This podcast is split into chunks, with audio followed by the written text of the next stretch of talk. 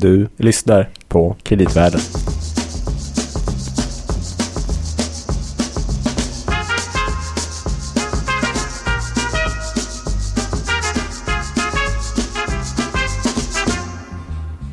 Varmt välkommen då till ett nytt spännande, som alltid, avsnitt av Kreditvärlden med Louis Landeman. Och Gabriel Bergin. Ja. Vi börjar sitta där nu Louis. Ja, det känns så. Ja. Eh, vi jobbar båda på Danske Bank Markets i Sverige med kreditmarknaden men vi eh, har ett, en bred ansats i den här podden som alla tidigare lyssnare vet om. För i våran värld så nästan allting som händer har ju att göra med kreditmarknaden på något vis. Ja. Och allting som händer med, på kreditmarknaden har att göra med någonting annat. Ja, Kanske. faktiskt. Vi, eh, Världens mest, kanske, kanske mest spännande marknad. Eh, förra avsnittet, som vi återkommer till lite mer eh, om någon sekund bara, var ju eh, ett exempel på när vi breddade oss lite grann. Försökte titta ut, ut, utanför vår box. Idag ska vi kanske smalna av det lite grann, gå tillbaka till vår hemmiljö på något sätt. För vi har med oss två kollegor. Tillbaks till pudens kärna. Ja. Eh, vi har Emil, Hej hej. som är en poddveteran. Han har varit med förut i Kreditvärlden. Han jobbar också med kreditmarknaden som eh, kreditanalytiker med oss här på Danske Bank. Just det. Men vi har också en ny poddare, en premiär för dig, Marcus. Marcus Söderberg. Välkommen. Tack. Tackar. Eh, Marcus gör ungefär samma sak som vi fast med eh, mycket färre obligationer. Kan man säga. Eh, jobbar ju mot den delen av räntemarknaden som berör eh, papper med högsta kreditkvalitet. Så att Mm. säga. Statsobligationer, bostadsobligationer. Det behövde du påpeka. Absolut. Ja. Men det, det finns ju vissa statsobligationer som inte har så hög kreditkvalitet också. Du pratar ju om svenska statsobligationer. Ja, svenska. Jag förstår. Ja, just det. Okej. Mm. Ja, nej, men så att Marcus är räntestrateg eh, på, ja helt enkelt, räntestrateg. Eh, jobbar med stats och bostadsobligationer som idag, men också finns andra delar av räntemarknaden som inte har just med obligationer att göra. Vi kanske kommer Just tillbaka lite grann till det. Innan vi sätter igång med dagens tema, Ja, vi ska väl... eh, flertaligt. vi ska väl ha en utlottning, var det inte så Gabriel? Det stämmer. Förra gången så pratade vi med Katarina Gospic som vi precis nämnde och pratade om hjärnans funktionssätt. Eh, och då lovade vi att vi skulle lotta ut några av hennes senaste böcker. Precis, det är bland annat den senaste boken som heter Neuroledarskap som är skriven av Katarina Gospic och Stefan Falk. Och sen för vissa personer lyckliga har även fått två bonusböcker. Välj rätt och Den sociala hjärnan. Det är fantastiskt. Eh, ska vi göra så helt enkelt att vi lite snabbt, vi kommer ju kontakta er som har vunnit såklart. Men vi räknar upp lite snabbt vilka det är. Det är fem personer Mm. lyckliga. Vi får ha en liten trumvirvel tror jag. Drrrr. Jag kan lägga in en sen. Jaha. sen kan, eh, Gabriel, Ja, kan vi ha sådär som i Melodikrysset att det kommer en fin fanfar efteråt? eh, det kan vi ha. Efter alla fem kanske. Ja. Mm. Mm. Där, Vi har Sverige Tor, Logg Fredrik på Twitter, Karl Norman, eh, David Eldrone på Twitter och Erik Edström på Facebook.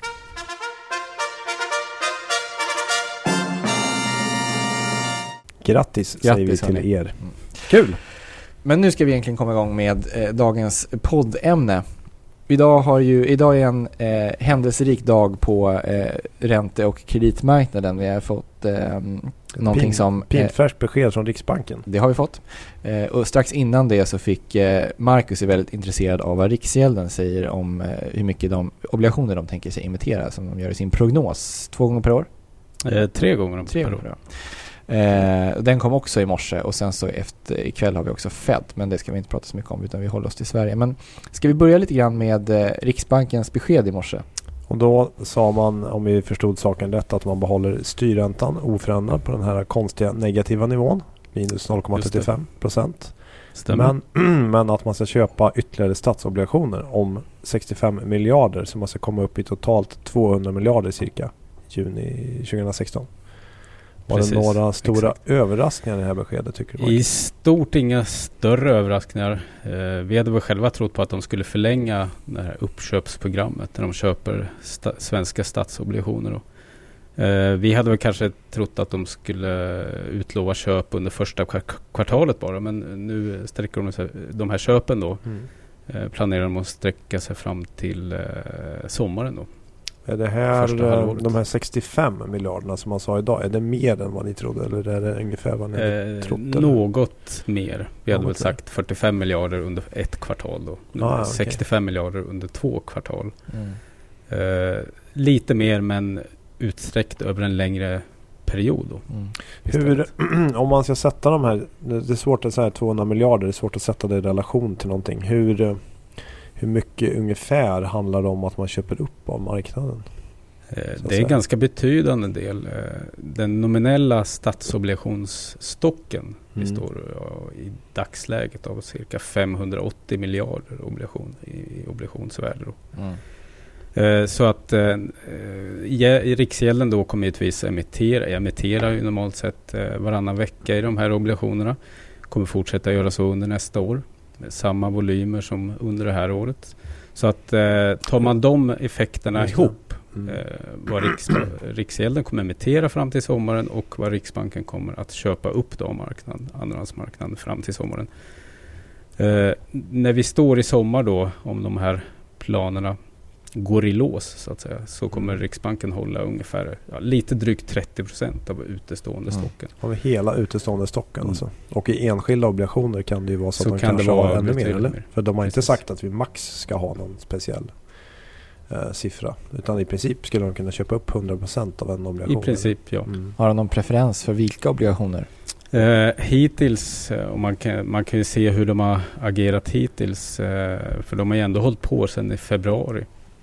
Eh, så har man köpt med en eh, genomsnittlig löptid som eh, något över fem år kan man säga. Okej. Och om man tittar på de obligationer som, statsobligationer som finns på marknaden, vad har de för genomsnittlig löptid?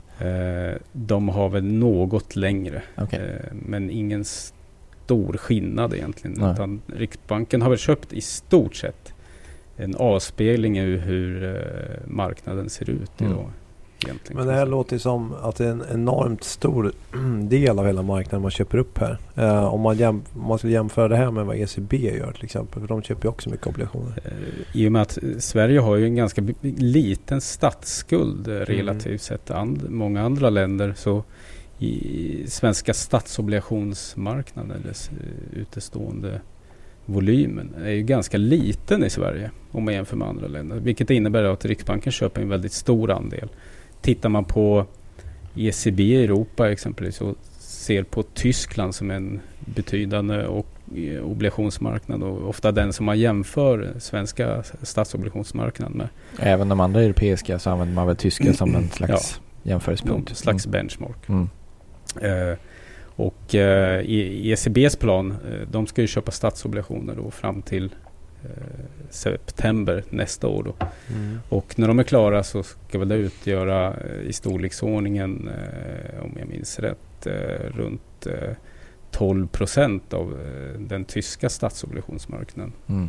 Så att, Så eh, det är mycket större andel i Sverige. alltså. Mm. Mhm. Är inte det lite märkligt då kan man tycka om har vi större problem med låg inflation än vad man har i Euroland? Eller ska man tänka mer att eh, det kommer att komma fler köp från ECB? Eller hur ska man se på det där då? Eh, ECB kom ju med ett eh, nytt besked eh, förra veckan. Mm. Eh, där man kunde ana att man eh, förbereder ytterligare köp. Att utöka de här, det här uppköpsprogrammet. Antingen förlänga det bortom september 2016 eller öka volymen under det befintliga programmet. Mm. Eh, och det är väl någonting som Riksbanken, tror jag, eh, har haft i bakhuvudet eh, när man har bestämt sig för att eh, utöka sitt program som man gjorde idag. Vi kanske, nu är du inne lite grann på orsakerna till de här köpen av obligationer som, som åtgärd så att säga och vad det har för effekter. Inte bara på räntemarknaden men generellt hur det ska påverka ekonomin till slut. Ska vi höra på, det kom ju faktiskt en sån fråga Just det. på presskonferensen idag eh, efter Riksbankens beslut kommunicerades så ställde en reporter från Sveriges Radio just den frågan. Vi kan höra hur Stefan Ingves svarade på den. Exakt eh, hur har du tänkt att de här obligationsköpen ska hjälpa till att få fart på inflation? Ja, dels är det ju så att i och med att vi köper statsobligationer så är statens upplåningskostnader låga. Staten lånar ju till och med på kort sikt till negativ, eh, negativ ränta, får betalt för att låna. Eh, vad som händer då när vi köper statsobligationer, då betalar vi med pengar.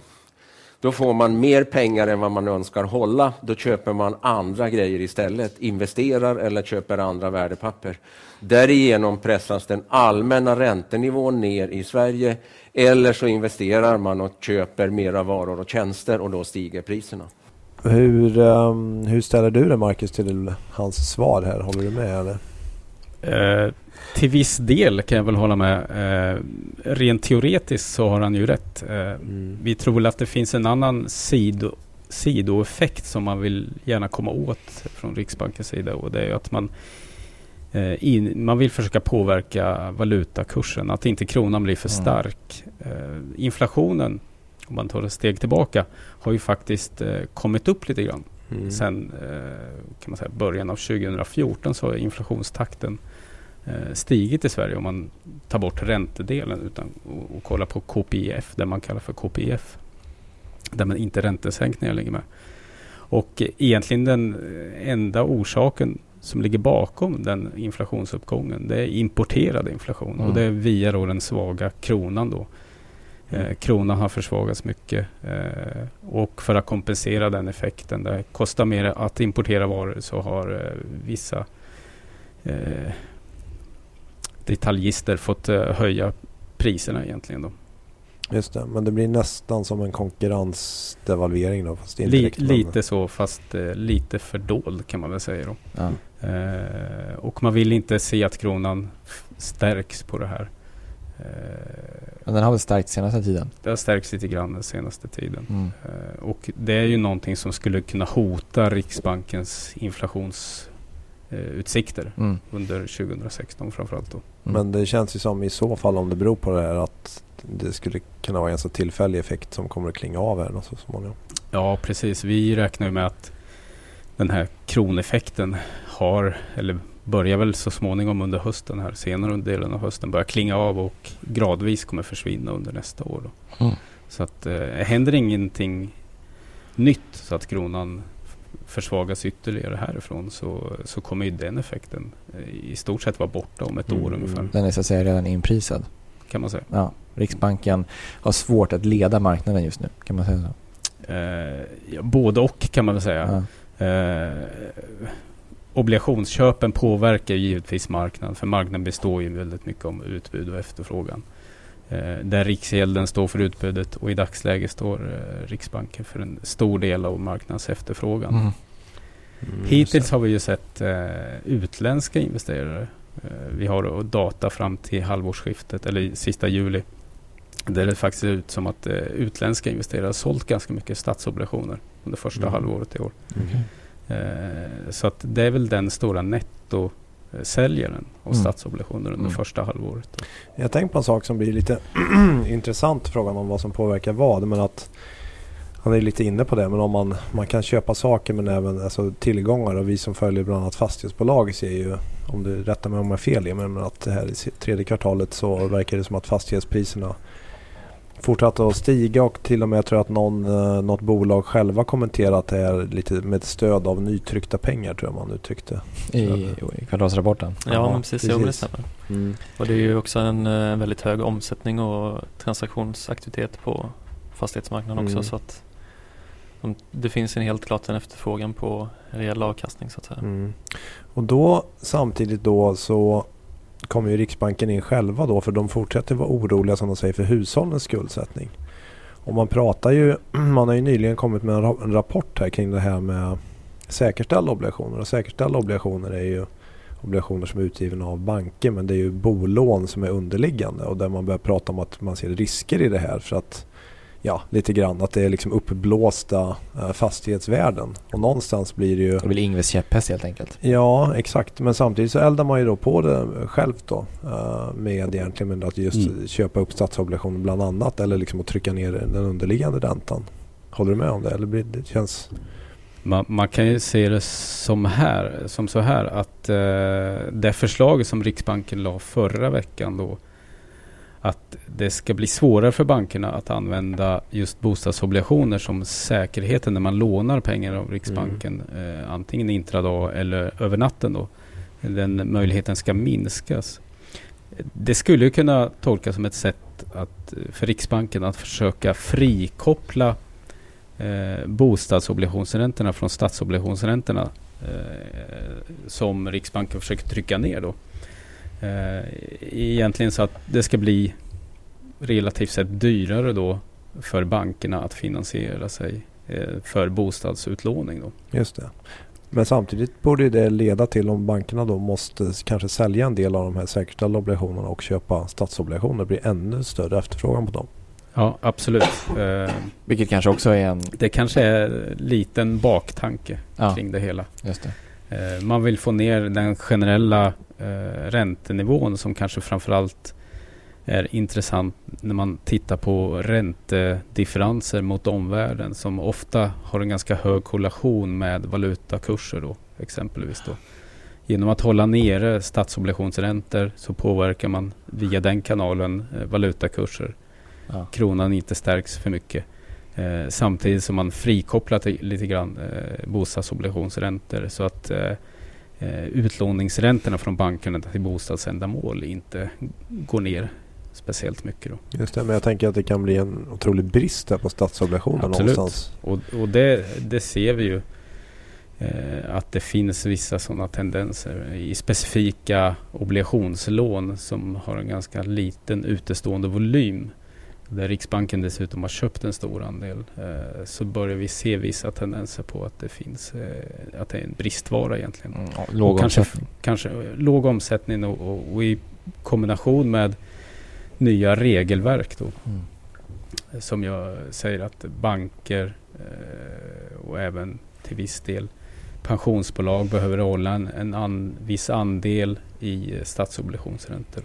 Mm. Kan det finnas några problem på sikt så att säga? Alltså kan räntemarknaden bli mindre, eh, ha en lägre omsättning och mindre aktiv under en period för att sen när Riksbanken drar tillbaka sina, sin aktivitet komma tillbaka eller kan det få liksom, stadigvarande effekter på funktionssätt? Eh, på eh, både och igen skulle jag Mm. vilja säga för att eh, eh, på den här räntenivån så är det svårt att hitta naturliga köpare av statsobligationer såvida man inte är tvingad av regelverksmässiga skäl.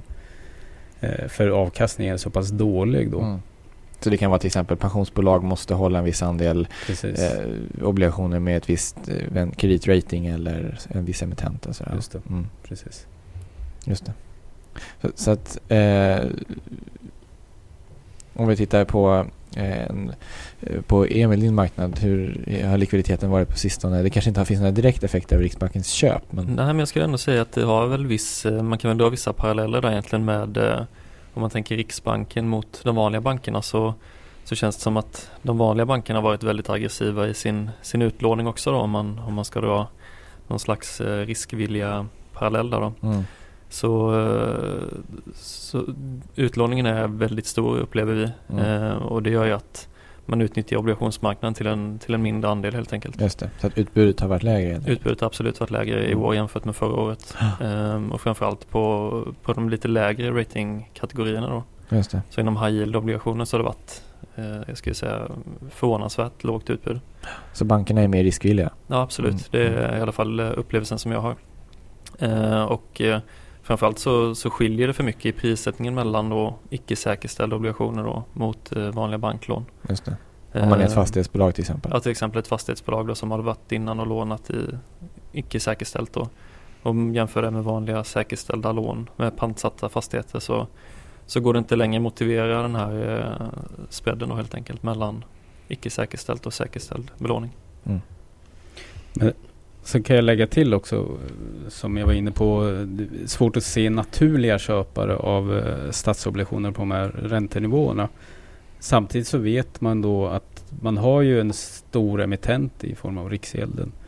Men man har ju, man vet ju om, åtminstone fram till sommaren nästa år, att man har en stor köpare också. Så eh, det underlättar väl likviditeten Mm. i, i någon mån i alla fall. Eh, givet de här räntenivåerna kan man säga. Just det. Just det.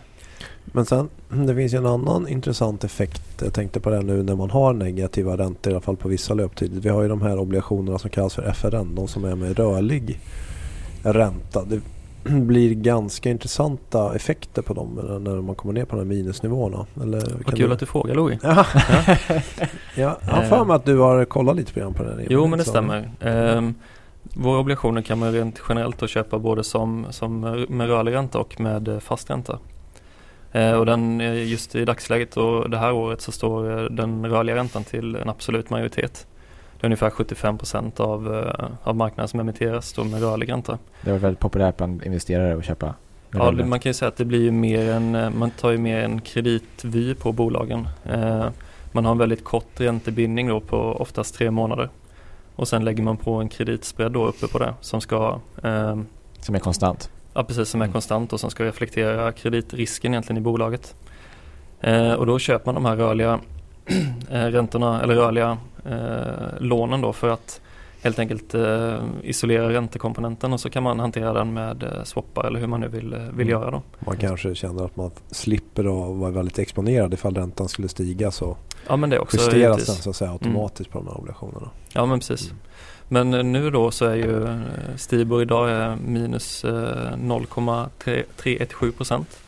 Eller Som minus, är den underliggande som man lägger på kreditspreaden på. Ja. Ja precis, referensräntan kan man kalla den. Ja. Eh, så då, då kan man ju tänka att för de bolag som är väldigt kreditvärdiga och har en väldigt låg kreditspread som vi skulle kunna ta en kommun till exempel. Eh, de ligger ju då kanske till och med under den här referensräntan. Och det medför att om man skulle lägga ihop de här två komponenterna då eh, så får man en negativ avkastning då, ungefär som man får på statsobligationer. Eh, men där har man väl helt enkelt kommit fram till då att man inte ska behöva betala för att låna ut pengar. Eh, vilket jag kan tycka känns ganska, ganska rätt. Mm. Eh, och helt enkelt sagt att det finns, eh, man kan tänka sig att det finns ett golv på noll i vad, vad man ska behöva, behöva stå ut med så att säga som investerare av de här papperna då. Att man, man kan som minst bli, eh, inte få någon avkastning på sin investering men man behöver i alla fall inte betala för att hålla den. Och så förhoppningsvis får man tillbaka pengarna på slutet. Förhoppningsvis ja. Men så det som händer i praktiken är att varje kvartal så ska den som ger ut obligationen, en kommun till exempel, betala eh, en kupong då, eller en räntebetalning. Mm. Och då läggs, lägger man ihop den här Stibor med en kreditspread och då när den visar sig vara negativ så får man ingenting helt enkelt. Nej exakt, Mm. det är så, så det fungerar. Är det för att det är tekniskt svårt att genom de system som finns skicka pengar från det fel håll så att säga? Eller? Det är väl inte, egentligen så är det väl inte helt eh, utrett. Det finns ju ingenting som säger i dokumentationen att man inte kan få en, eh, eh, att man, man inte kan bli skyldig att betala pengar. Men, eh, men däremot så, så är det väl den generella, uppfattningen Mm. att, man inte, att det inte är möjligt. Och, ja, om, det, om det är praktiskt genomförbart eller inte, det, det är inte... Det är ingen som har testat? Mm.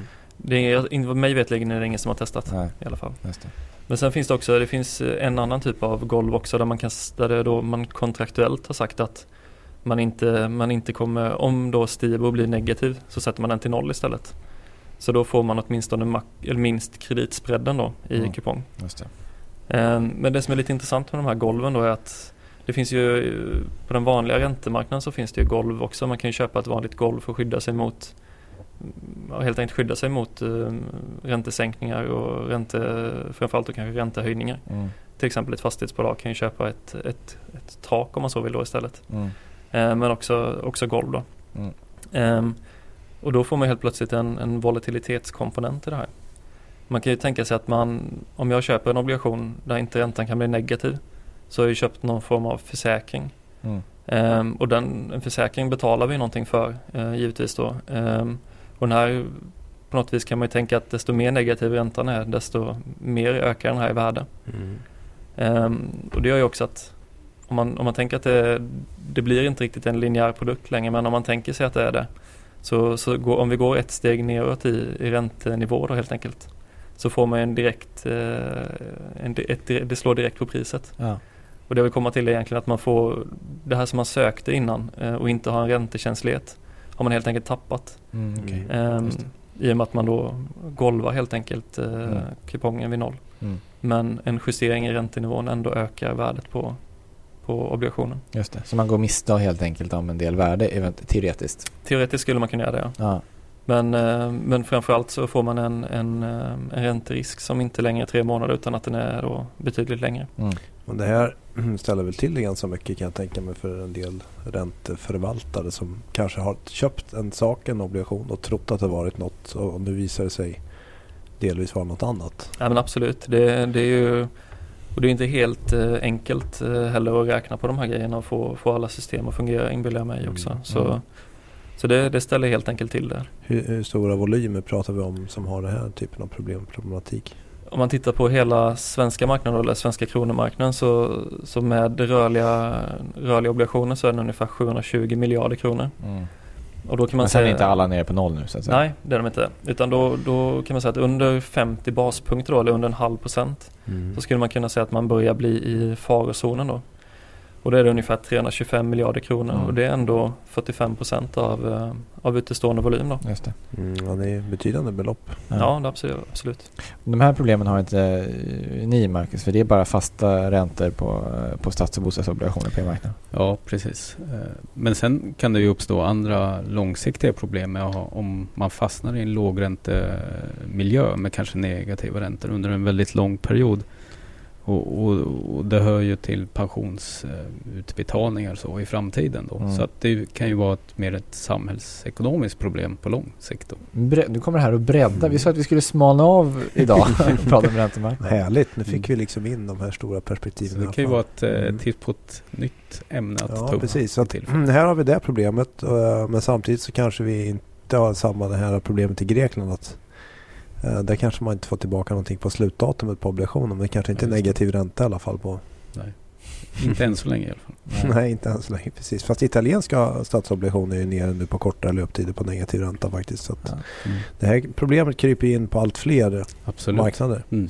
Ska vi blicka framåt lite? Vad tror ni om resten av året på respektive marknad? Har liksom, kan räntorna på statsobligationer till exempel komma ner något mer så här efter Riksbankens utökade köp eller är vi på någon slags ny botten? Eh, Eller botten? obligations eller räntemarknaden har ju sista året kan man säga väl, handlat väldigt mycket om centralbanker och kanske i ännu högre grad än vad det normalt sett brukar göra. Mm. Eh, för det blir ju någon form av artificiell marknad i, någon mening som Mm. är påverkad av eh, uppköp från eh, inte bara Riksbanken utan E- ECB, Bank of Japan. Eh, så någonting som kommer vara i fokus fortfarande under resten av året och även un- under lång tid framöver troligtvis. Hur centralbanken kommer att försöka tackla problem med låg inflation globalt sett. Mm. Inte bara i Europa utan även hur Federal Reserve kommer göra. Mm. Eh, kommer man höja räntan här som många trodde väl eh, på i inledningen av det här året. Ännu har vi inte fått till den. Eh, vi har ett nytt eh, räntebesked ikväll från Federal Reserve. Eh, finns väl inga stora förväntningar på att de ska höja nu. Eh, en del har väl sagt trott på december. Eh, ser väl ganska oklart ut också om det blir någon höjning då. Eh, men det kommer också givetvis påverka räntemarknaden här under resten av året. Mm. Eh, Jag tror personligen att eh, det finns väl utrymme för ytterligare viss nedgång i räntor under resterande del av år, eh, året. Tror vi att Riksbanken kommer att tvingas under nästa år köpa ännu mer? Om det till slut har de köpt upp alla.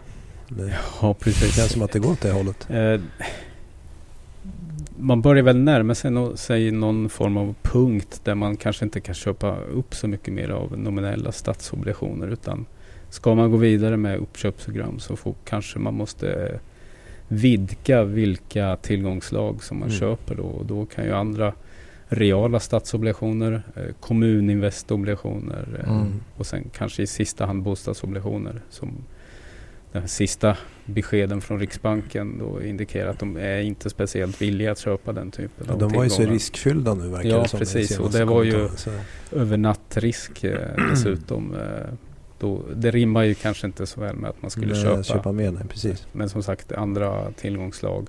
Kanske inte bostadsobligationer i första hand. Men Nej. andra tillgångslag som jag var inne på. Mm. Eh, Men det ligger inte nära till hands att man som Bank of Japan går ut och köper och, vad heter det, eh, syntetiska instrument som speglar aktiemarknaden och sånt det är ju ingenting som Riksbanken har berört hittills. Så Nej. det tror jag ligger spännande. ganska långt bort tror jag. Utan det är väl någonting som de kanske, eh, man har en känsla av att de diskuterar mer nu, mer nu än vad de gjorde för ett halvår sedan. Det är väl egentligen direkta valutainterventioner Ja. som de in, åtminstone inte helt utesluter. Även om det känns som det är någonting som ska gå ganska mycket till för att man tar till som åtgärd. Då måste man ju erkänna att det är det det handlar om egentligen. Ja, Ja. precis. Emil, har du någon mer kommentar om? Jag tror att eh, så länge bankerna fortsätter vara, vara så pass aggressiva som vi ändå tycker att de är så eh, har jag inte jättestora vad ska man säga, förhoppningar på att det kommer öka så mycket utlåningsverksamhet. Nej. Ehm, samtidigt då som eh, företagen är ganska välkapitaliserade och inte har några jättestora investeringsbehov så talar det väl, tycker jag, för att vi inte kommer få se jättestora volymer. Nej. Det förvärvsaktiv- eller förvärvsaktiviteten verkar väl inte heller ticka upp supermycket så Blir det mer eh, aktieåterköp och extraordinära utdelningar kanske? ja, och sånt gillar vi ju inte på kreditsidan. Ajabaja. Mm. Precis. Ja, spännande. Vi får se vad som händer. Mm. Jag kan passa på också bara säga apropå centralbankerna så eh, kommer ett nytt avsnitt rykande färskt eh, troligtvis samma dag som det här släpps med eh, Roger Josefsson i hans egen podd Chefekonomen om just centralbankerna framöver så att håll utkik efter det också. Men då så Gabriel, då kanske det börjar bli dags att runda av för idag eller? Det tror jag. Mm. Den här podden säger klart slut tror jag. Mm. Och eh, vi får också tacka får vi inte glömma. Just det. Nej. Tack Marcus och tack Emil. Jag tänkte att du skulle tacka mig. Tack Gabriel. Tack Louie. Vi hörs igen om eh, ett par, tre veckor med Ja. ett nytt spännande avsnitt av då, Kreditvärlden. då kommer ett eh, delvis nytt tema. Oj, Sade han kryptiskt. det var verkligen spännande. Jag ser fram emot det. Bra, tack, hej. Hej.